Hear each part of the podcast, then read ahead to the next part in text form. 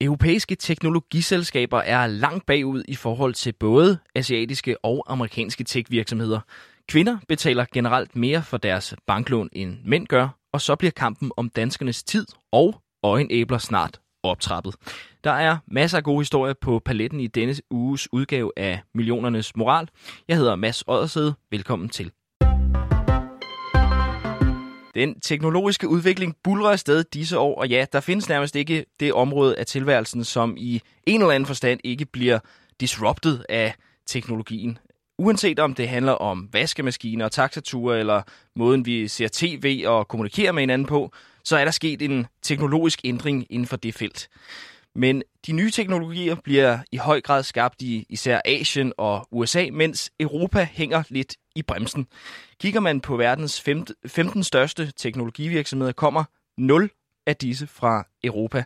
De er i stedet hjemme i USA, Sydkorea, Kina, Taiwan og Japan. Jakob Pedersen, aktieanalysechef hos Sydbank. Velkommen til. Tak for det. Tak for det. Du står blandt andet for at udstikke Sydbanks holdning til uh, investeringer i de globale aktiemarkeder. Hvad er din forklaring på, at uh, rigtig meget af den her nye teknologi, der bliver udviklet øh, i de her år, og de virksomheder, som udvikler dem, de, øh, de kommer fra Asien og USA, og så ikke Europa? Ja, der er ingen tvivl om, at det her det har jo noget med rammevilkår at gøre.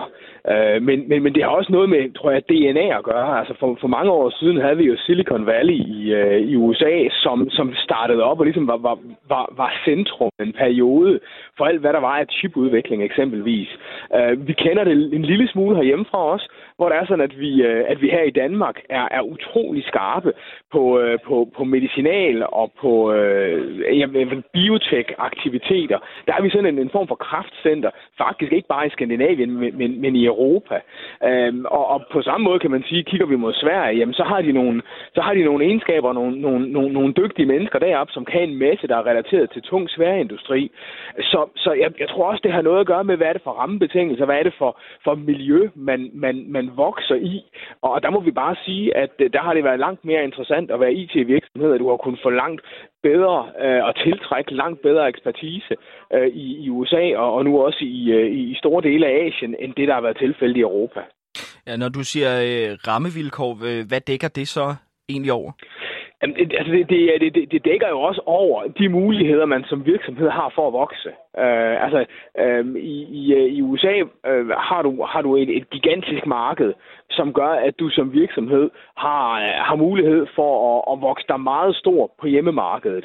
Og det er lidt sværere, selvom vi har et, et, øh, et, et, et indre marked i, øh, i Europa og med, med, med, med, med fri bevægelighed for varer, øh, så, så er vores landegrænser i en eller anden forstand med til at holde, holde mange virksomheder tilbage og gøre, at de ikke ser hjemmemarkedet som, som så stort og som at, så attraktivt, som det man eksempelvis gør i, i USA. Mm. Og øh, så nævner du også øh, DNA som en af, af grunde til, øh, til at, øh, at Europa halder lidt bagefter sådan på, øh, på tech-fronten. Øh, hvad ligger der i det? Jamen, der ligger jo nok først og fremmest det, at vi ikke har fået skabt, øh, at vi ikke har fået skabt miljøet for at udvikle det her DNA. Og det har man haft i USA, og det har man også mange steder i, øh, i Asien. Og, og, og det er de områder, der tiltrækker de dygtigste øh, medarbejdere, alle talenterne.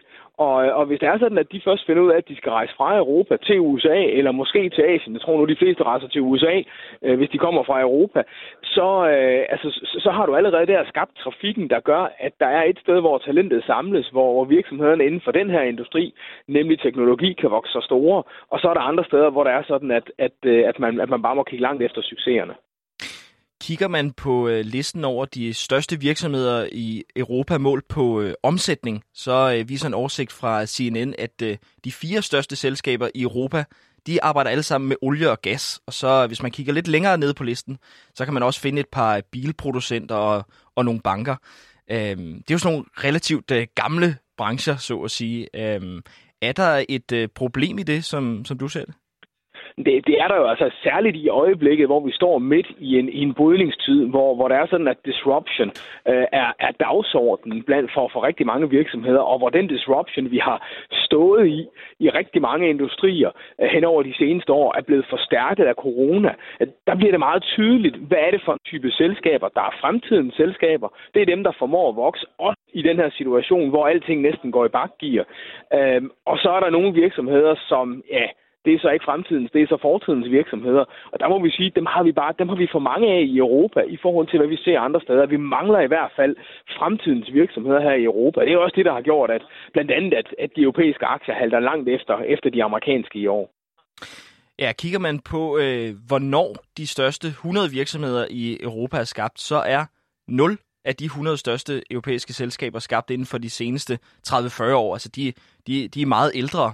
Øhm, er vi bare mindre innovative her i, i Europa, eller hvad, hvad er forklaringen på det, tror du?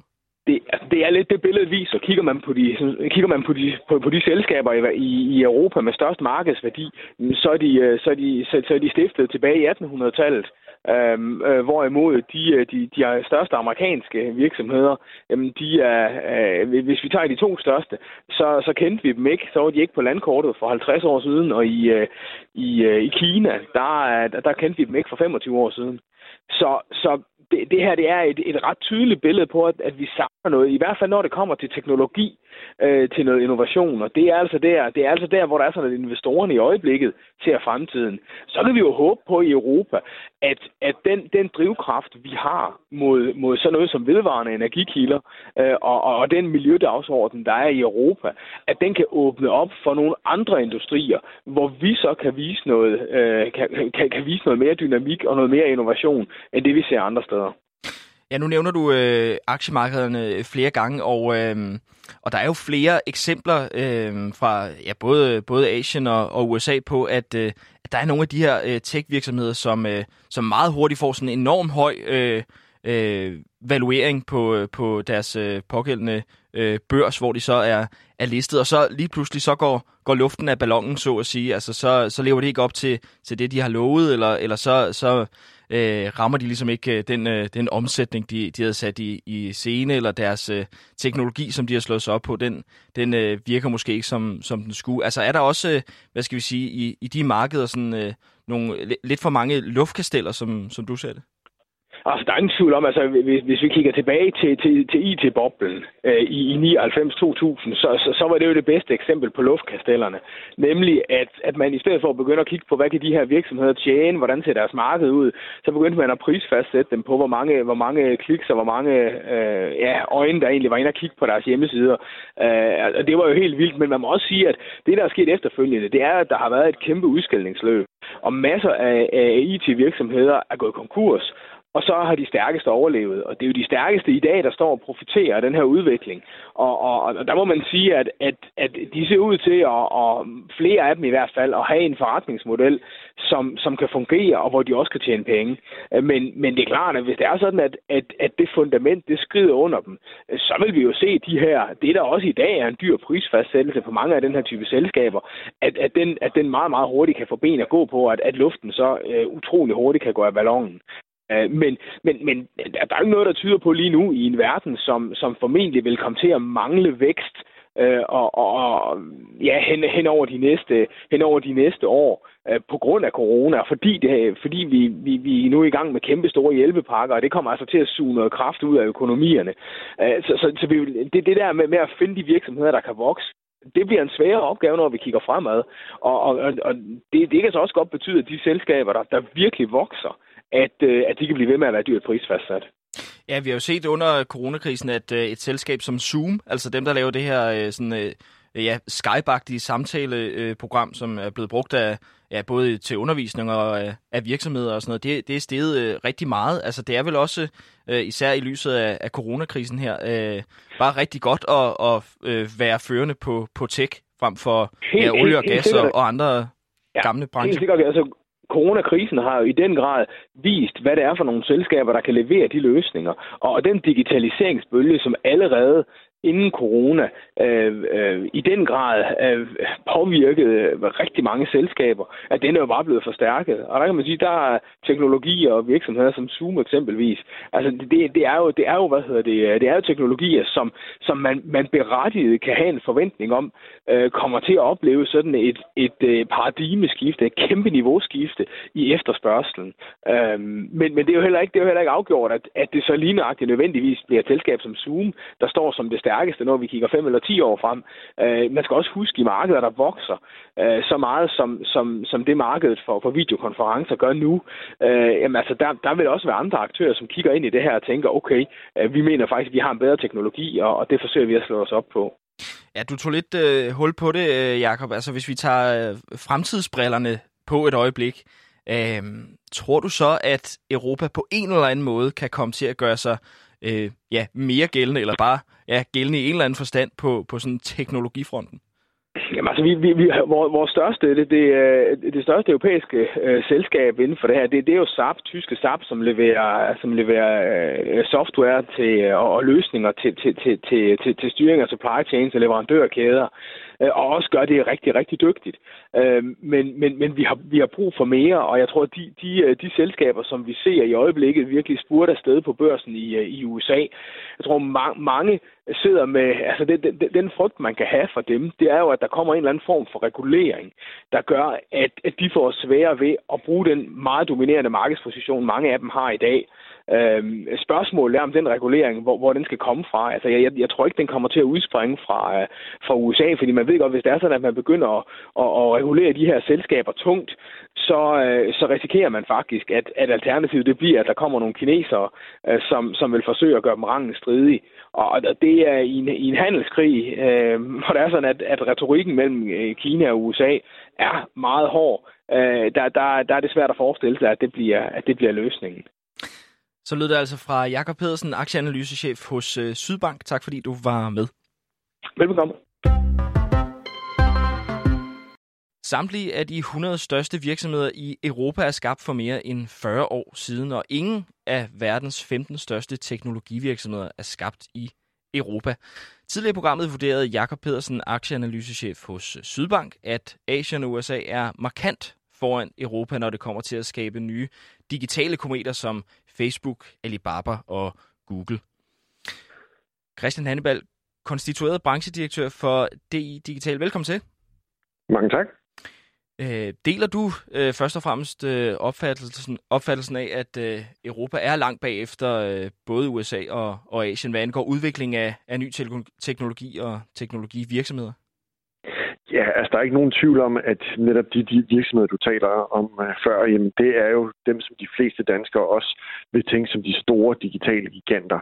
Og de fødes altså ikke i Europa lige for tiden.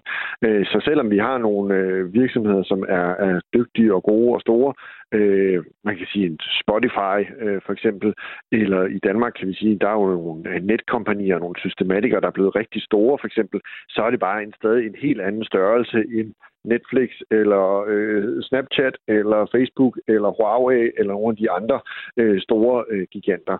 Øh, så, så det er, er rigtigt, det må man bare sige. Hvad mener du, at der øh, skal til for, at øh, europæiske og måske endda øh, danske tech-virksomheder ligesom kan komme op og, og blande sig i, øh, i verdenseliten? Jamen, jeg tror blandt andet, at vi skal slå os op på noget andet. Altså, vi, øh, øh, Silicon Valley og Kina, de øh, har nogle øh, unikke muligheder øh, på hver deres måde. I øh, Silicon Valley har man nogle store forskningsmiljøer, man har en masse kapital. I Kina har man en, en meget stærk stat, som prøver at hjælpe virksomheden på vej. Jeg tror, noget af det, som man skal satse på i Danmark og Europa, det er måske en lidt mere sådan øh, bred folkelig forankring af teknologi. Hvad betyder det så? Jamen, det betyder, at øh, at når vi, hvis man som dansk eller europæisk virksomhed kan slå sig op på at sige, vi har faktisk tænkt, øh, tænkt øh, borgeren og samfundet lidt mere ind i, i vores teknologi, i den måde, vi for eksempel bruger kunstig intelligens på. Altså skal det være til gavn for hele samfundet? Så tror vi faktisk, at den her ansvarlige tilgang til det, at det er noget, vi kan, øh, man kan øh, slå sig op på som, øh, som øh, dansk og europæisk virksomhed, og så få en fordel ud af det. Når du siger øh, ansvarlighed, hvad ligger der så egentlig i, øh, i det? Jamen, det betyder jo øh, e-, egentlig, at vi, vi ved, hvad teknologien bliver brugt til. At man ikke bare bruger teknologien til alt, hvad man kan bruge den til, men at vi siger, jamen, der er nogle ting, vi gerne vil bruge teknologien til, og der er også nogle ting, vi ikke vil bruge den til. Så vi vil vil vise, hvilken værdi vi kan give til, om det er klimaet, eller det er nedslidning, eller det er skaffe bedre læring, eller bedre sundhed i øh, gennem teknologien, så bruger man det til det, men man bruger det ikke til, øh, til alt, hvad man kan bruge det til. Man bruger det ikke til overvågning bruger det ikke til, øh, til at sælge data til ting, når man ikke havde forventet, at man ville sælge data til, osv. Så, så der er nogle ting, som vi fravælger at bruge teknologien til, og det er en mere ansvarlig tilgang, end, end øh, man måske ser det, ser det andre steder. Men hvis det her med ansvarlighed virkelig var noget, der, øh, der battede noget hos, øh, hos brugerne og sådan noget, øh, så ville tjenester som øh, for eksempel TikTok eller, eller for så vidt også andre sociale medier, som, som jo høster en hel del data for, for brugerne, så burde de vel ikke være, være vokset så store. Så, så kan det egentlig bruges til at, at komme op blandt de helt store spillere? Jeg tror, at en af udfordringerne er, hvis man ikke ved, hvad det er, data bliver brugt til, eller ved, at der findes alternativer. Og det er noget af det, vi i Dansk Industri sammen med andre gode folk prøver at lave en, en, øh, en mærkningsordning for digital ansvarlighed, så man forbruger også fornemmer ved at vælge øh, tjenester og produkter til, som er digitalt ansvarlige og dermed og, og sikre også. Øh, og det, øh, det tror vi vil være en konkurrencefordel for, for de tjenester, der, der kan det. Kan sige, her kan du altså være fuldstændig sikker på, at hvis du, dit barn bruger den her platform, jamen, så er den ansvarlige data bliver ikke solgt til nogen. Den er også sikker. De data vil, vil formentlig ikke kunne hackes osv. Og det tror vi på kan blive en, en ret stor fordel og være noget, som man kan slå sig op på i øh, både i Danmark og i resten af Europa. Men så hvis man, man har sådan en, en ordning i Europa, øh, det kan de vel være lidt ligeglade med i, i USA og, og Asien, og de, de er jo i forvejen så store, at, øh, at der er en masse europæere på, på deres platform, hvis vi nu tager udgangspunkt i, øh, jamen, altså som nævnt, øh, TikTok og, og Google. Ja, men det er rigtigt. Men, i, øh, men Europa har faktisk kunne gå forrest på nogle ting. Vi kender jo alle sammen GDPR for eksempel. Øh, og sige, at der har Europa gået forrest og stillet nogle krav til, øh, hvordan man måtte øh, håndtere data. Det har været nogle krav, som jo er født i Europa, men som øh, reelt har gjort, at de store øh, platforme også i, i USA har måttet øh, tilpasse nogle af deres vilkår. Og der, der vil vi jo egentlig bare gerne have, at der så var nogle, øh, nogle øh, danske og europæiske virksomheder, som kunne tage skridtet videre og bygge oven på det og sige, vi tror faktisk på, at mange borgere øh, gerne vil have øh, gennemskuelighed over for, hvordan deres øh, tjenester bruger øh, deres egen data. Øh, og det, det skulle man så gerne få mulighed for at, at kunne øh, gennemskue gennem sådan et mærke. Og det er svært lige nu. Ja. Noget andet, du, øh, du også har peget på i forhold til det her med at, at ligesom kunne, kunne øh, ja, skabe øh, grobund for at, at kunne udvikle nogle af de her øh, tech-giganter hjemme i, i Europa, det er jo, at, øh, at rammevilkårene også skal, øh, skal forbedres. Hvad ligger der i, i det? Ja, der ligger der flere ting i. Øh, det første er for eksempel sådan noget som adgang til talent. Der er ikke nogen øh, tvivl om, at øh, Silicon Valley lige nu står som det sådan store, øh, lysende fyrtårn, som hvis du er dygtig, øh, dygtig programmør, så vil du gerne til Silicon Valley og arbejde.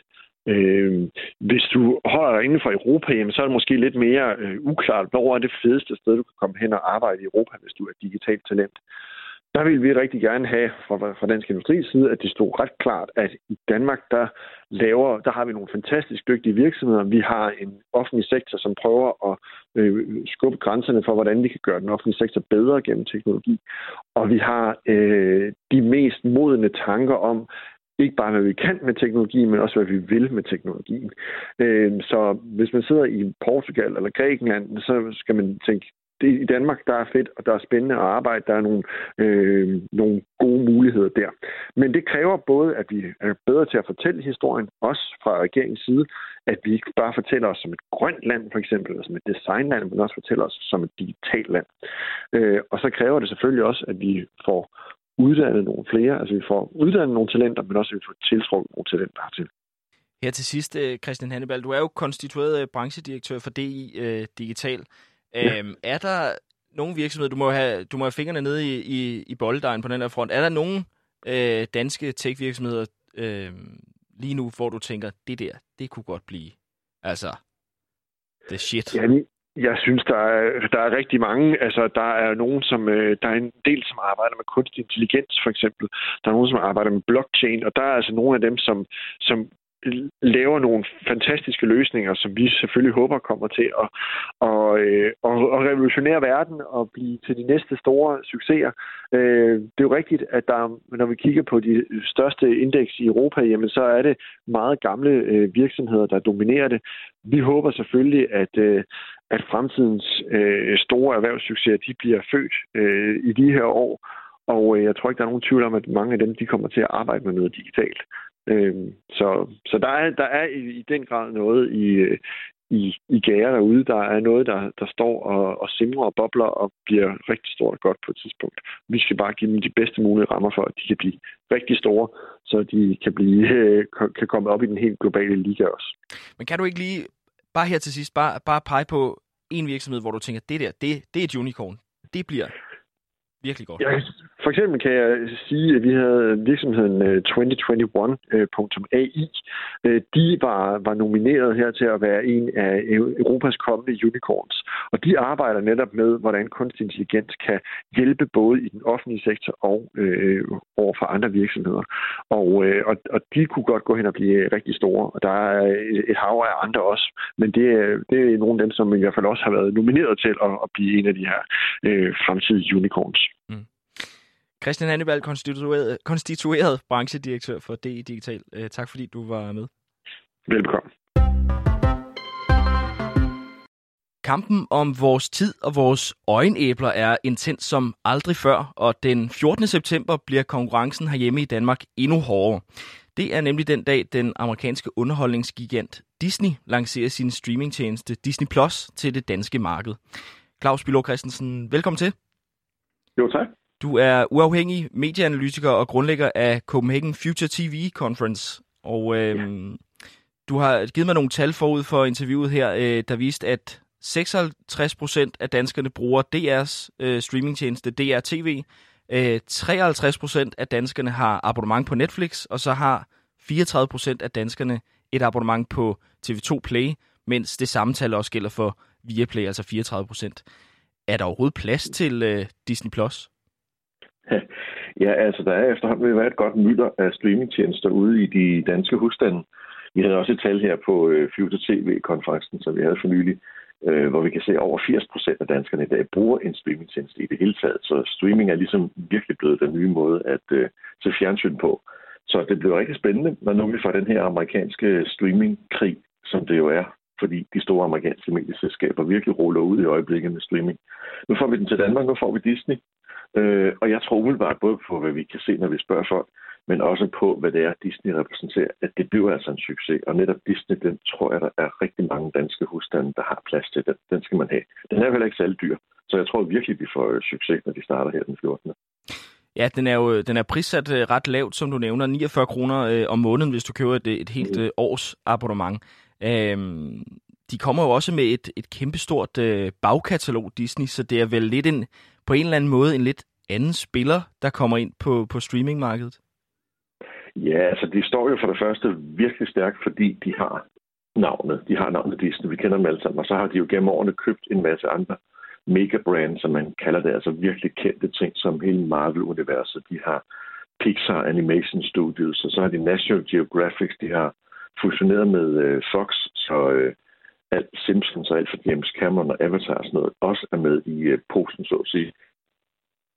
De har et, for det første et kæmpe arkiv, og en ting, man som, som tv-analytiker faktisk blev noget overrasket over, det var, øh, vi vidste godt, det ville komme, men det her med, at de rent faktisk laver en app og pakker det hele ned i den, det virker meget sådan splendidt, altså det virker helt sådan overflødighedshornsagtigt, at man kan få så meget øh, for så lidt. Og man godt kunne have forestillet sig, at Disney kunne have fundet på at lave måske en Disney børne-app og en Marvel-univers-app, og ikke mindst, jeg glemte lige nævne før, Star Wars, der er jo også lige lille Star Wars. Hele det univers ejer de jo. Så når de lukker op for slusen her, så får vi både et mægtigt arkiv, altså alle de gamle elskede Disney-klassikere. Jeg er også øh, ret sikker på, at Disney har brugt tiden på at sikre, at alle deres elskede gamle film er med dansk tale, så de har fået det hele op at køre på dansk også. Og så samtidig, så har de altså arkivet også med alle de her andre ting. Men de har også rigtig meget helt nyt, altså ting, man kun kan se på Disney+. Plus øh, en interessant måde at se på, hvor, hvad værdien er af deres, øh, hvad skal man sige, deres kendte varemærke, er, at de øh, i forhold til firma som Netflix faktisk ikke bruger så mange penge på at lave nyt indhold til streamingtjenesten. De tal, man har hørt, det er et eller andet sted mellem 3 og 4 milliarder dollars til at lave nye tv-serier. Det er altså svimlet mange penge øh, som Disney vil bruge. Men sådan et firma som Netflix er op at bruge næsten 20 milliarder dollars om året for at kunne blive ved med at pumpe øh, The Crown og Stranger Things og sådan noget ud til os. Fordi Netflix har jo ikke noget bagkatalog. Netflix havde netop i gamle dage noget Disney-indhold, som de jo så betalte Disney for at have.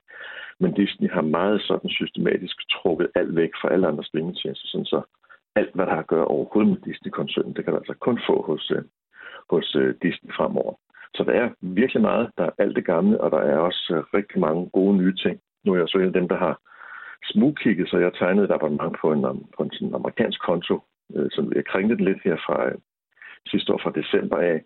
Øh, og en af dem i Danmark, der har set den der, The Mandalorian, som er en af deres helt store flagskibe, altså en, en Star Wars-univers øh, tv-serie på, så det 8 eller 10 afsnit. Og den er altså, altså der, der er ikke sparet noget. Den er virkelig øh, gennemført rent, som rent teknisk. Så der er meget, altså de har et tilbud, når de dukker op. Altså hele deres arkiv der, alle de andre varemærkers arkiv, og, øh, og så også nogle nye ting, som rigtig mange af os vil finde øh, rigtig attraktive. Så for de her, altså det ligner næsten, det ligner et røverkøb, at man får, jeg tror endda, det er 490 kroner om året, hvis man har lyst til at betale forud et helt år for Disney. Plus, øh, jamen så kan man altså få det endnu billigere. Øh, og så er det jo spændende hvad fremtiden øh, byder, om det så kan, om det så bider sig fast. Men øh, igen, altså jeg tror, når man sådan ser på danskerne og deres streamingvaner, øh, så er der plads til dem vi spurgte da direkte, da vi lavede en brugerundersøgelse herop til seneste version af Future TV-konferencen. Øh, danskerne, om de har lyst til det her Disney+, Plus, for nu har de hørt om, at det kommer, og det sagde 27 procent, ja, jeg skal have et abonnement. Og jeg tror, det var cirka 13 procent, der sagde, at øh, de skulle da i hvert fald have et prøveabonnement i en måned og se, hvad det var for noget. Så der nærmer vi allerede et tal, der ligner 40 procent af danskerne, som siger, at de gerne vil have Disney+. Plus. Så de skal nok få succes, de kan have folk fra Disney. Hmm. Uh, du nævnte flere gange uh, Netflix, uh, og det er jo sådan ligesom, altså, ja, nu taler jeg måske lidt for egen regning, men det, det er ligesom den, den, det navn, man forbinder med sådan uh, film- og tv-serie uh, streaming. Det er jo også den største betalings uh, uh, streamingtjeneste herhjemme. Uh, hvis vi stiller dem op mod hinanden, altså du nævnte også det her med, at Netflix bruger flere penge på øh, at producere indhold øh, osv., men til gengæld har Disney øh, bagkataloget. Øh, hvem er egentlig stærkest? Ja, det, det kan være lidt svært at sætte op over for hinanden, fordi de er øh, på mange måder meget forskellige. Øhm, hvis man sådan alene skal prøve at knive øjnene sammen og så se på, hvad det er, du kan opleve, altså hvad er det for noget indhold, du kan opleve, så kan det jo godt være, at Disney har meget har bagkataloget. Men det, man lige skal være opmærksom på med Disney, det er, at det er jo et sådan meget familievenligt og familieorienteret varemærke. Øhm, så ting med kant, hvis man kan sige det sådan, altså voldsomme ting, for at sige det rent ud, altså ting, der er meget voldelige, øh, blodige og måske også med meget sådan høj indhold af grafiske ting, seksuelle ting osv. Den vil vi nok aldrig nogensinde komme til at se på Disney Plus Borg. Det tror jeg simpelthen ikke kommer. Så sådan ting, der er mere udfordrende og mere voldsomme og hårde i det, øh, eller mere løsslukken, mere frit kørende, så at sige, rent indholdsmæssigt, det vil nok være de andre streamingtjenester. Og det er som typisk det, der præger Netflix i dag. Der er virkelig noget for alle. Netflix fagner jo fantastisk bredt med, de producerer selv Hollywood actionfilm og tv-serier næsten af enhver slags. Og så er der det specielle med Netflix også, at de i øjeblikket ser ud til at have stor succes med at producere film og tv-serier i alle mulige andre lande end øh, USA. Selv i Danmark har vi jo både uh, The Rain uh, og tv-serien Krige fra, på TV2, som der også var puttet uh, Netflix-penge i. Vi har den nye sæson Born 4, øh, så var Danmarks Radio kunne hjælpe med at arbejde sammen med Netflix. Og så er der en stor ny film på vej af Ole Bornedal, som også bliver en godt nok en biograffilm i Danmark, men det bliver også en, en Netflix-film. Så Netflix er enormt veletableret selv i små lande som Danmark, og kan en masse ting, som Disney-koncernen altså ikke kan. Så igen, altså lidt ligesom Disney sikkert er noget, rigtig mange husstande vil have, fordi der er bare så meget elskeligt gammel indhold og nye ting. Så er Netflix altså stadigvæk den der store streamingtjeneste, der fagner enormt bredt og kan nå ud til rigtig, rigtig mange mennesker på hele kloden allerede i dag. Men frem for alt det med, når, når en husstand har et Netflix-abonnement, så er, er det muligt stort set for lige meget, hvem man er i husstanden, at finde et eller andet, øh, man har lyst til at se. Og det, der, det kan Disney ikke rigtigt. Det, det, der, der vil det halte lidt bagud. Øhm, og Netflix har egentlig også selv bebudt, at de, øh, de heller ikke rigtig er nervøs øh, for, for Disney, og heller ikke for Warner-koncernen, der har det her nye HBO Max på det amerikanske marked. Og nogle af de andre ting på vej, fordi Netflix føler selv, øh, at de er både veletableret, men sådan, som de siger, deres største øh, konkurrent er i virkeligheden behovet for nattesøvn, øh, og så noget som Fortnite, altså at folk bruger penge på andre ting end at se, se fjernsyn. Så, så Netflix står sådan set meget godt. Øh, og vi skal også tænke på, at de jo i dag er op på 193 millioner abonnenter over, over hele kloden. Det vil sige, de har altså et fantastisk apparat til at distribuere øh, ting ud. Der er den særlige krølle på det, det var jo netop Netflix, der startede som et teknologifirma og startede i 2007 med at streame for alvor, som har bevist over for hele mediebranchen, at det her det kan lade sig gøre. Og har bevist, at forbrugerne er klar til det, øhm, og at alle mulige apparater og hele internettet fungerer fint til alt det her. Øh, så Netflix har så sig også været med til ligesom at fjerne alle stenene på vejen for både Disney og Warner og de andre, der nu kommer med store streamingtjenester. Så sådan overordnet på det, som de andre nu gør, specielt Disney, det er det her med, at man simpelthen kan fjerne alle sine mellemmænd. Når man er Disney, så kan man behøver man ikke længere sådan nogen som Netflix til at samarbejde med for distribueret distribuere sine film. Man kan simpelthen gøre det helt selv, fordi netop Netflix har vist, det kan det så gøre. Så noget af det sådan rent medieindustrimæssigt øh, øh, bemærkelsesværdigt det her, det er jo, at netop sådan en koncern som Disney kan skære alle sine mellemmænd væk, og så samle alt, hvad de ejer sammen i én streamingtjeneste til, til, til de her 49 kroner om måneden, og så leverer det helt til dig på en gang. Det er sådan decideret revolutionerende inden for medieindustrien, sådan rent mediehistorisk. Mm. Uh, en ting er at sætte uh, Disney og, uh, og Netflix uh, op over for hinanden. Uh, I Danmark, ja, for så vidt også i, i andre lande, der er jo et, et hav af, af, af streamingtjenester. Altså, uh, vi har nævnt uh, TV2 Play og Viaplay. Man kan også nævne uh, den danske uh, filmskat, og, uh, og der, der er garanteret også en, en lang række andre uh, filmtjenester, mm-hmm. man, man hurtigt kunne, kunne komme i tanke om uh, at bruge sin tid på. Uh, hvem tror du, der ligesom kunne uh, lide skade af Disneys indtog i, øh, i Danmark, hvis ikke det er Netflix? Jamen, jeg, jeg tror sådan, øh, hvis man ser på dem, der findes, og øh, også til os danskere, øh, og specielt TV2 har gjort det rigtig godt øh, med i virkeligheden, at TV2 jo lykkes med at, øh, at forvandle sig selv, altså transformere sig selv fra at være en fjernsynskanal og en tv-station til at være en streamingtjeneste. Øh, og det siger de også selv. Og selv Danmarks Radio med deres nye app siger jo, at fremtiden for dem, det er jo det her streaming -halløj. Altså underforstået, at den her teknologiske udvikling har gjort, at de gamle tv-stationer i virkeligheden bliver til, øh, til streamingtjenester. Så det har fået godt tag danskerne. Vi, vi ser og vi streamer rigtig meget for både TV2 og DR øh, og Viaplay og hvad der sådan ellers er. Og også øh, Dplay, selvom det er så amerikansk så er der jo også danske tv-kanaler der. Altså vi, vi er blevet glade for det og streamer det rigtig meget. Så når man sådan ser på det her med, at de nye nu kommer, og øh, nu ser vi så Disney første omgang, og det er bestemt noget af det mest markante, selvom vi sikkert også får en forvandling af HBO på et tidspunkt, at der kommer endnu mere Warner Media-stof ind i det, fordi det er det, de har gjort på det amerikanske marked. Og så er der sådan noget som NBC Universal, som jo også er en stor både tv- og filmgigant på det amerikanske marked. De har jo også lige lavet en streamingtjeneste, der hedder Peacocks, øh, som ovenikøbet er gratis, øh, fordi der så er reklamefinansieret i hvert fald dele af den. Så, så det, jeg tror, der, der sker, når vi nu ser, at de kommer, de amerikanere, specielt her Disney til 13. 14. september, det er, at øh, jeg tror ikke, der er nogen af de andre streamingtjenester, heller ikke nogen som TV2, der udenbart vil øh, lide under det, men øh, der vil blive taget en lille bitte smule tid fra dem alle sammen. Fordi altså, de husstande, der vælger Disney, vil jo i hvert fald i starten, og så hvis hvordan det går på længere sigt, bruge noget tid der. Og så vil de jo så underforstå, at de er jo nødt til formentlig stadigvæk at skulle have den samme nattesøvn, bruge noget mindre tid på noget af det andet. Men jeg tror ikke, at det er sådan markant at være, at det er Netflix, de ser mindre af, eller det er TV2 Play, de ser mindre af. Jeg tror simpelthen bare, der, der ryger lidt tid fra det hele, så vi får lidt mindre tid til de andre streamingtjenester. Øh, men jeg tror ikke nødvendigvis, at vi begynder at sige dem op, fordi vi har fået Disney+. Plus. Mm.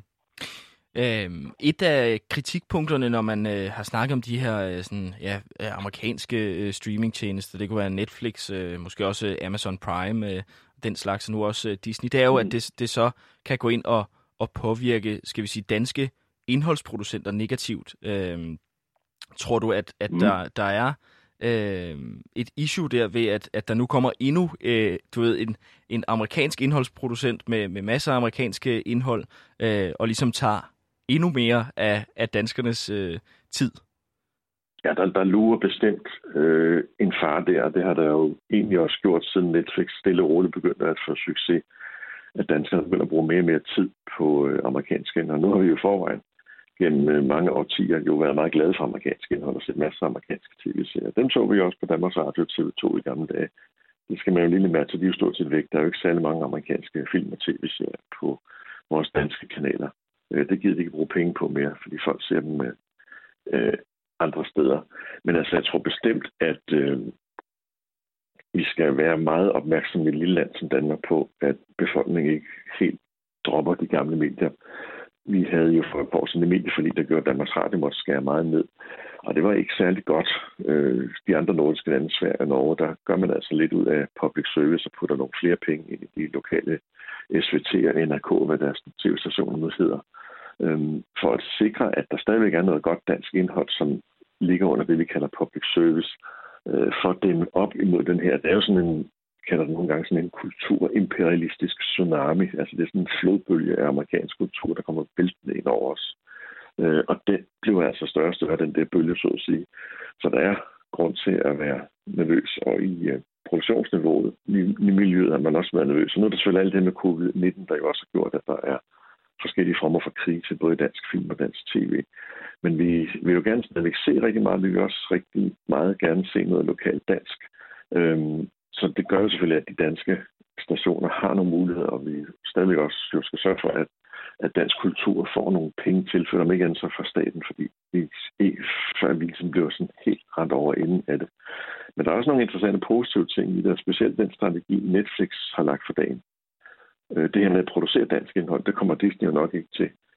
Men, og øh, altså selvom The Rain måske ikke er en sådan typisk dansk tv-serie, så er det dog det hele dog lavet i Danmark. Og så synes jeg, det mest bemærkelsesværdige lige her nu, det er, at, øh, at Netflix putter penge i noget, der er så dansk som øh, Borgen. Øh, og at Danmarks Radio så at sige ligesom går med til det, men det er simpelthen fordi, det giver mening, og der er en fantastisk fordel i, at vi med det her store stykke amerikanske firma kan få tilført nogle penge til dansk indhold til danskerne, mod at de så får overvist i resten af kloden. Øh, og det gør jo ikke nogen skadesåelse på dansk kultur, at Netflix øh, tager borgen og sender den ud på resten af kloden, og dermed kan give nogle penge til Danmarks Radio, så vi netop i Danmark kan få borgen. Og Ole Bornedals nye film, som jeg lige nævnte, er jo også en dansk, en dansk tragisk historie om bumpningen af den franske skole i slutningen af, øh, 2. verdenskrig. Øhm, som jo sådan set også på mange måder er en meget, meget dansk øh, historie, men øh, igen, altså Netflix har set noget, nogle potentiale i dansk talent, og har sagt, den der film, den vil vi gerne putte nogle penge i, og lad bare de danske biografer få den her store danske film, om den her danske tragedie for sig selv. Men så tager vi filmen og sender den ud på vores uh, streamingtjeneste til resten af kloden, og så kan de få en god pose penge for det.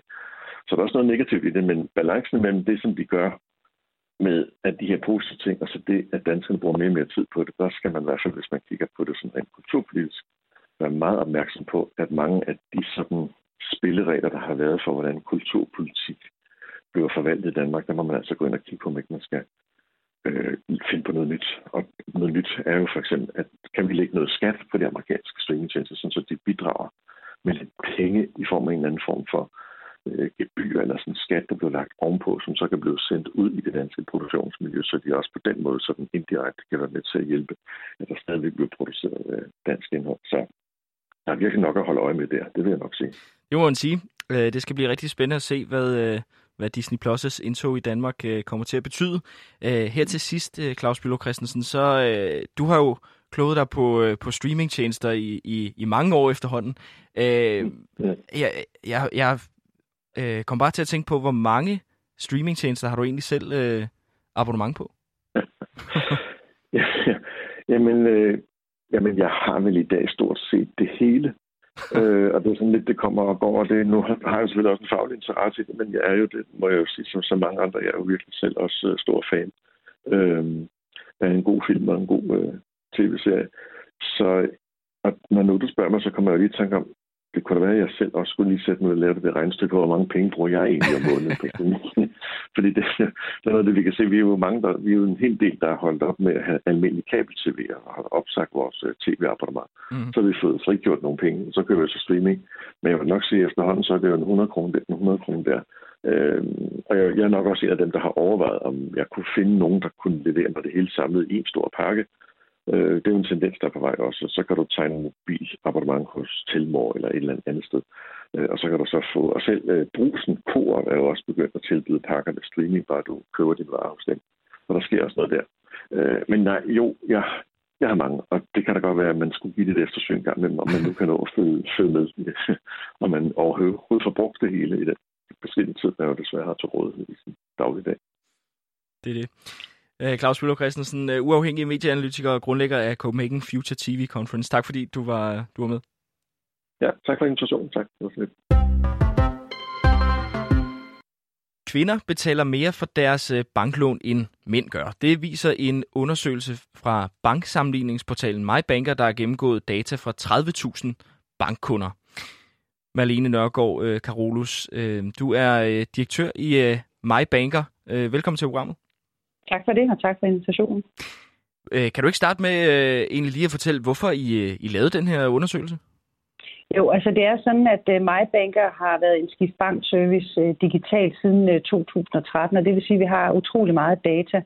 Og når vi har rigtig meget data, så er der også mange, der gerne vil en gang imellem have os til at lave nogle analyser. Så for nyligt, der blev vi bedt om at lave en analyse på billån, hvordan billånsmarkedet så ud på landsplan. Og den analyse forfandt så på en eller anden måde, at øh, kvinder betalte mere for deres billån, øh, øh, uagtet at man var i samme region som øh, sin mand. Og øh, for en led i det, så tænkte vi, at det kunne egentlig være meget sjovt at prøve at kigge ind i, om det også galt for andre typer af lån. Og så tænkte vi, nu prøver vi lige at, at kigge ind i øh, andelsboliglån, øh, ejerboliglån, altså det banklån, der kommer oven på dit realkredit. Så kiggede vi ind i forbrugslån også, og der, der kom altså det samme billede, at øh, kvinder betaler netto en lille smule mere, end mænd gør for deres rentesatser. Og så tænkte vi, det var en historie, vi måtte have talt om, fordi at, øh, det er ikke noget, jeg selv har været opmærksom på. Jeg har jo alligevel 33 år med kunder øh, i bankbranchen, så, så der er jo et eller andet her, vi skal have gjort noget ved. Mm. Øhm, ja, og det øh, resultaterne fra, øh, fra undersøgelsen, de er beskrevet i en øh, DR-artikel, så hvis man øh, øh, vil læse endnu mere om det her, så kan man altså smutte ind øh, på, øh, på DR.dk, øh, hvis man skulle have interesse for det. Øh, hvad hedder det? Øh, du, du nævner så, at, øh, at øh, på, øh, på flere forskellige lån, der betaler kvinder generelt mere, end, end mænd gør. Øh, hvor, hvor meget mere betaler de? Jamen, altså, vi kan prøve at tage det eksempel, der også er vist det i Danmarks Radio på deres hjemmeside. Så er det, at hvis man alt andet lige har samme forretningsomfang, og øh, gennemsnitligt går ind og skal låne en million kroner til et andelsboliglån, jamen, så kan vi se, at gennemsnitsrenten for kvinder den ligger på 3,7, og gennemsnitsrenten for mænd ligger på 3,5. Og tager man så et 10-års forløb på sådan et afdrag af øh, sådan et 1 million kroners andelsboliglån, så betyder det faktisk, at kvinder ender med at betale 12.000 mere i renteudgifter, end mænd gør for det samme lån. Undskyld. øhm, og øh, det, det store spørgsmål er jo så, øh, altså hvorfor det er sådan her. Har I nogen øh, forklaring øh, på det hos, øh, hos mig, Banker? Jamen, nu var jeg jo så heldig at være sammen med en, øh, en hjerneforsker her den anden dag, og han siger, at det ligger altså ikke i vores DNA, så der må være noget omkring vores kultur og den måde, hvor vi øh, interesserer os for økonomi. Øh, personligt, så tror jeg, at det er jo subjektivt, så tror jeg, det er noget at gøre med, at øh, kvinder generelt øh, har en god interesse for økonomi, fordi vi kan se på vores tal, når vi så bliver gift, så holder vi op med at have interessen, så giver vi det til jer mænd. Det kan være en af forklaringerne. En anden forklaring kan være, at øh, når man har med økonomi at gøre, og pension og investering og lån, jamen så er det et meget rationelt begreb, man skal tale om, og derfor bliver der kommunikeret meget rationelt, øh, hvor man nok kan, må se kvinderne en lille smule mere relationelt drevet og har brug for at få en kommunikation på en anden måde. Så sådan helt karikeret, så kan man sige, at kvinder ønsker ikke at få deres lån taget over et Excel-ark. Øh, de ønsker at købe deres lån hen over en kop kaffe og en øh, samtale omkring, hvad livet skal bringe, også øh, når man ikke er her mere. Men ligger der også noget i det hos øh, bankerne? Du har jo en, en fortid som, øh, som bankdirektør. Ja. Øhm, er der noget, øh, man kan stille på hos, øh, hos den rådgivning, man ligesom giver i, i bankerne, eller, eller andre ting fra, fra deres side af, af bordet? Ja, altså jeg, jeg tror, det er tilbage til, hvordan det er, vi kommunikerer. Og, øh, og jeg har jo selv været en del af, øh, af sektoren, og også hvordan man med sektor uddanner. Og, og jeg tror, at det bliver nødvendigt fremover at komme til at bruge noget mere energi på at lave noget mere relationelt uddannelse, fordi der har været meget fokus på at være dygtig til at, at have med tal at gøre. Og det er jo sådan set også en given ting, men for mig er det jo license to operate. Så fremover så vil jeg tro, at man øh, i banker øh, og pensionskasser og øh, investeringssteder skal have nogle folk, som er bedre til at kommunikere, og som er lidt mere relationelle, øh, sådan at vi får kommunikeret, sådan at modtageren forstår, hvad der bliver sagt. Altså man skal huske på, at det er afsenderen, der har ansvaret for, at modtageren forstår det, der bliver sagt. Øh, ifølge jeres øh, undersøgelse der, så, så er det jo, øh, hvad hedder det, kvinder sådan over en, en bred kamp, altså, altså i, i stort set alle aldersgrupper, hvor øh, de betaler mere for, for ja, billån, øh, forbrugslån, øh, andelsboliglån øh, og, og lån til, til ejerbolig. Øh, ja. det, det virker til umiddelbart at være en ret stor, skal vi sige, kulturel ændring, der skal ske, før at der ligesom er, øh, er total øh, ligestilling på, på det her område. Jamen, man kan sige, det, det er sådan tofoldigt, fordi når vi kigger på interessen for egen økonomi, så kan vi se, at øh, i, i 20'erne, altså når vi er blevet myndige som 18-årige, og vi kommer ind i 20'erne, og begynder at få vores første lønindkomster, øh, Øh, så er vi faktisk lige interesseret, mænd og kvinder. Der, hvor vi kan se, at kvinderne falder fra, og, og dermed også måske begynder at sige ja til noget, man ikke helt har forstået, det er, når vi bliver gift, øh, flytter sammen med vores mænd, fordi der kan vi se, at der sker en forandring i interessen for egen økonomi. Der falder interessen for kvinderne, og der stiger den hos mænd. Altså det er mændene, der går ind og varetager husholdningsøkonomi øh, ind imod banken. Øh, og det vil sige, at man holder sig ikke assur, og man er ikke interesseret, og derfor falder man ligesom fra, og man kommer aldrig tilbage igen. Heller ikke, når de her 30-40 procent af os bliver skilt igen. Fordi vi også kan se, det er, at hvis du lever et single-liv, så lever du faktisk med en større interesse for din egen økonomi øh, igennem hele livsforløbet. Og faktisk, når du er i 50'erne, så er du lige så interesseret i din egen økonomi, som øh, mænd er, hvis du har et single-liv og har levet det altid. Apropos øh, single-liv, at, er jeres undersøgelse, der er øh, baseret på data fra 30.000 bankkunder, er det øh, for husholdninger, eller er det kun øh, enkeltpersoner, eller hvordan har man ligesom øh, kunne, øh, kunne øh, ja, adskille, at det er, det er mænd og, og kvinder, der får den specifikke rente?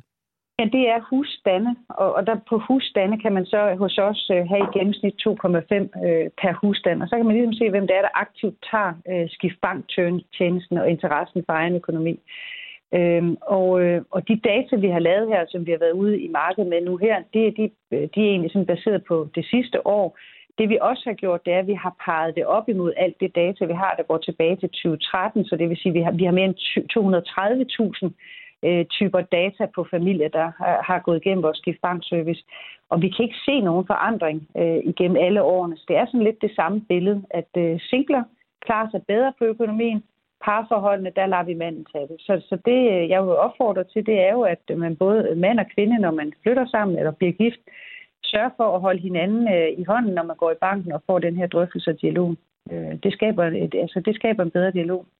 Her til sidst, øh, Marlene Nørgaard Karolus. Øh, hvor synes du, at, at ansvaret ligger mest? af det hos øh, kvinderne, der skal gå ud og tage lidt mere ansvar for deres øh, egen økonomi, så at sige, eller, eller er, det, er det lige så meget hos, øh, hos bankerne? Nej, jeg synes, at, hvis, det, hvis det nu havde været sådan, at der var forskel på bankerne, vi har faktisk også lavet en undersøgelse for at se, er der nogle banker, der står dårligere på det her område end andre. Altså er noget, hvor man kan sige, der er en god mandebank eller en god kvindebank. Mm. Det er der altså ikke. Så det her, det er fuldstændig det samme billede på samtlige banker, øh, som vi har i vores øh, database. Så derfor vil jeg sige, primært for mig er det, at vi må selv tage øh, hånd om det øh, som kvinder, men også i parforholdet. Fordi det er altså godt at kunne have styr på sin egen økonomi. Man kan heller ikke vide, om man i ægteskabet enten bliver skilt, eller at den ene går bort før tid, og så kan det ikke nytte noget, man sidder der og ikke ved, hvad der foregår. Så lyder det altså fra øh, Marlene Nørgaard Karolus, øh, direktør i øh, banksammenligningsportalen MyBanker. Tak fordi du var med. Selv tak. Tak for muligheden. Det er ofte dyrere for kvinder at være en tur i banken og få et lån, end når mænd gør det samme. Det viser en undersøgelse fra banksammenligningsportalen MyBanker, som har gennemgået data fra 30.000 bankkunder. Kira Marie Peters, Peter Hansen, undskyld, medlem af Europaparlamentet for SF. Velkommen til. Tak. Da øh, den her nyhed kom frem om, at øh, kvinder i gennemsnit betaler 4-6% mere i i rente øh, for samme lån som mænd. Så skrev du på Twitter, vi skal gøre noget ved, at kvinder betaler 4-6% øh, mere i rente for samme lån som mænd. Blandt andet kan vi sikre, at alle EU-borgere har viden til at træffe gode valg om deres økonomi. Jeg foreslår øget fokus på det i arbejdet med EU's kapitalmarkedsunion. Hvis vi lige holder fast i anden sætning i det tweet, nemlig at øh, øh det her med, at vi kan sikre, at alle EU-borgere har viden til at træffe gode valg om deres økonomi. Hvordan skal det så konkret foregå? Jamen, det kan jo foregå på mange måder. For eksempel er, er der mange af bankerne, der laver øh, undervisningsforløb på ungdomsuddannelsen. For eksempel har Sydbank et aktiespil, som, som lærer unge, hvordan man handler med aktier. Øh, det kan også være ved at styrke øh, de sådan, offentlige forbrugsorganisationer, som f.eks. Forbrugerrådet Tænk. Øh, så generelt bare sikre, at der er den viden, man har brug for til at forstå, når, hvad er et, et kviklån, og hvad er øh, OP, og hvad er et normalt rentespænd, og hvad skal man være opmærksom på, når man agerer på det finansielle marked, som jo er forbundet med store risici. Og øh, den her undersøgelse fra, øh, fra MyBanker, den viser, at øh, det sådan set altså, gælder alle øh, kvindelige aldersgrupper. Altså kvinder i, i alle aldre har øh, betaler generelt mere øh, for, øh, for øh, en lang række banklån, end, end mænd gør. Øh, det virker også til at være, være noget kulturelt, der ligesom på en eller anden måde øh, skal ændres, eller hvordan ser du det? Ja, det tror jeg helt bestemt også. Øhm, hende øh, kvinde, der, havde, der stod bag undersøgelsen, nævnte også i, i P1, at, at man bare skulle se, at det ikke var lige så slemt blandt øh, unge single-kvinder. Øh, og det kunne godt tyde på, at når man så bliver man ligesom nødt til selv at stå med det, men hvis man så får en partner, så deler man jo mange af opgaverne op, og så tilfælder de økonomiske opgaver måske i højere grad manden. Øhm, så jeg tror også, der er noget kulturelt i det. Øhm, der gives jo ikke rigtig andre svar på, hvorfor det kunne være. Øhm, så det er helt klart noget, man skal, skal have fokus på, om der er et eller andet kulturelt, der gør, at kvinder øh, enten er dårligere til at forhandle, eller ikke føler sig trygge ved det, øh, eller ikke har lyst til at bruge tid på, øh, på det. Ja, man kan sige, at øh, der er jo, selvom øh, unge single kvinder ser ud til at, at, at komme øh, sådan, ja, hvad, hvad skal man sige, være mere lige øh, med mænd, når det kommer til deres, øh, til deres øh, banklån, så er der vel stadig en, en lang gruppe af, af kvinder, som, som ikke øh, har samme, skal vi sige, ligestilling på, på den front. Er der noget, du øh, tænker, der kan gøres rent politisk, altså øh, form for, øh, for lovgivning eller sådan noget, der vil kunne skubbe udvikling i, i en mere lige retning? Ja, jeg synes først og fremmest, at vi skal finde ud af, hvad der er de konkrete årsager til, at vi ser den her forskel. For en forskel på 4-6 procent i gennemsnit er jo ret stor. Øhm, så, og vi skal ikke lovgive på noget, som vi ikke ved, hvad årsagerne er til. Øhm, men hvis det viser sig, at det simpelthen bare er fordi, at kvinder bliver tilbudt dårligere renter, og så er dårligere til at forhandle dem ned, så kunne en politisk løsning for eksempel være at sikre øh, åbenhed gennem, hvad er rentespændet mellem hvad kan man sige, de lån, som kunder i banken har, øh, og gøre det lettere øh, at sammenligne øh, produkter på tværs. Øh, og det kan også være at sikre, ja, at bankerne skal lægge det offentligt frem på en eller anden måde, men jeg synes, man skal være påpasselig med at lovgive om det, før man ved, hvad de konkrete problemer er. Ja, jeg talte tidligere med, øh, med MyBankers øh, direktør. Hun, hun konkluderede til sidst, at, at øh, det egentlig er mest op til, til kvinderne at, at ændre øh, ved det her. Er du enig i, øh, i den betragtning? Både og. Øhm, altså, jeg synes, man kan sammenligne den her diskussion lidt med diskussionen om ligeløn. Øh, og handler det bare om, at, at kvinder skal forhandle bedre? Øh, det, jeg tror også, det handler om, at vi skal kunne sige, at når vi er mere værd end det, folk tilbyder os. Men det handler jo også om, at der er nogle strukturer, som for eksempel på ligeløn siger, at kvinder ikke øh, fortjener den samme løn. Øh, og hvis det samme for eksempel gør sig gældende her, så er det jo også et strukturelt problem, vi bliver nødt til at tage. Øh, og alle de parametre, der er, hvad end det handler om ligeløn eller højere renter, betyder noget for den økonomiske ligestilling generelt set. Øh, så jeg synes også, det er et politisk spørgsmål, og ikke bare øh, noget, der skal være op til kvinderne selv. Og tænker du, at, øh, at nu, nu er undersøgelsen jo lavet for, for de danske øh, forbrugere, eller, eller dem, der, der har taget, taget lån i banken. Er det, er det et EU-spørgsmål at få ændret den her øh, øh, kultur, eller, eller de her øh, tal? Det er også et EU-spørgsmål. Øh, vi kan jo se på europæisk plan, at der er færre kvinder, der agerer på det finansielle marked sammenlignet med mænd. Øh, og at kvinder i mindre grad for eksempel investerer eller sætter deres øh, pensionsopsparing ind i de aktier, de synes, øh, der skal være. Øh, og det betyder noget for den økonomiske ligestilling. Og økonomisk ligestilling er også et EU-spørgsmål. Men jeg tror, man bliver nødt til at arbejde på flere niveauer. Altså vi kan sikre den her finansielle uddannelse, eller uddannelse på et lokalplan, for eksempel gennem øh, uddannelserne eller gennem forbrugsorganisationer. Øh, og så kan nationale politikere gøre noget, hvis der er brug for lovgivning på at sikre åbenhed eller øh, noget mere regulering med den måde, bankerne tilbyder lån på. Øh, og så kan vi på europæisk plan også gøre noget øh, ved at sikre en større regulering, hvis der er behov for det. Mm. Så lød det altså fra øh, Kira Marie Peter Hansen, medlem af Europaparlamentet for SF. Tak fordi du var med. Selv tak. Ja, og så kan jeg tilføje, at jeg selvfølgelig rigtig gerne vil have talt med øh, bankerne om øh, de her tal og den her tendens med, at kvinder altså generelt betaler mere for deres øh, lån, end, øh, end mænd gør. Desværre så er der ikke rigtig nogen banker, der har haft lyst til at stille op til interview.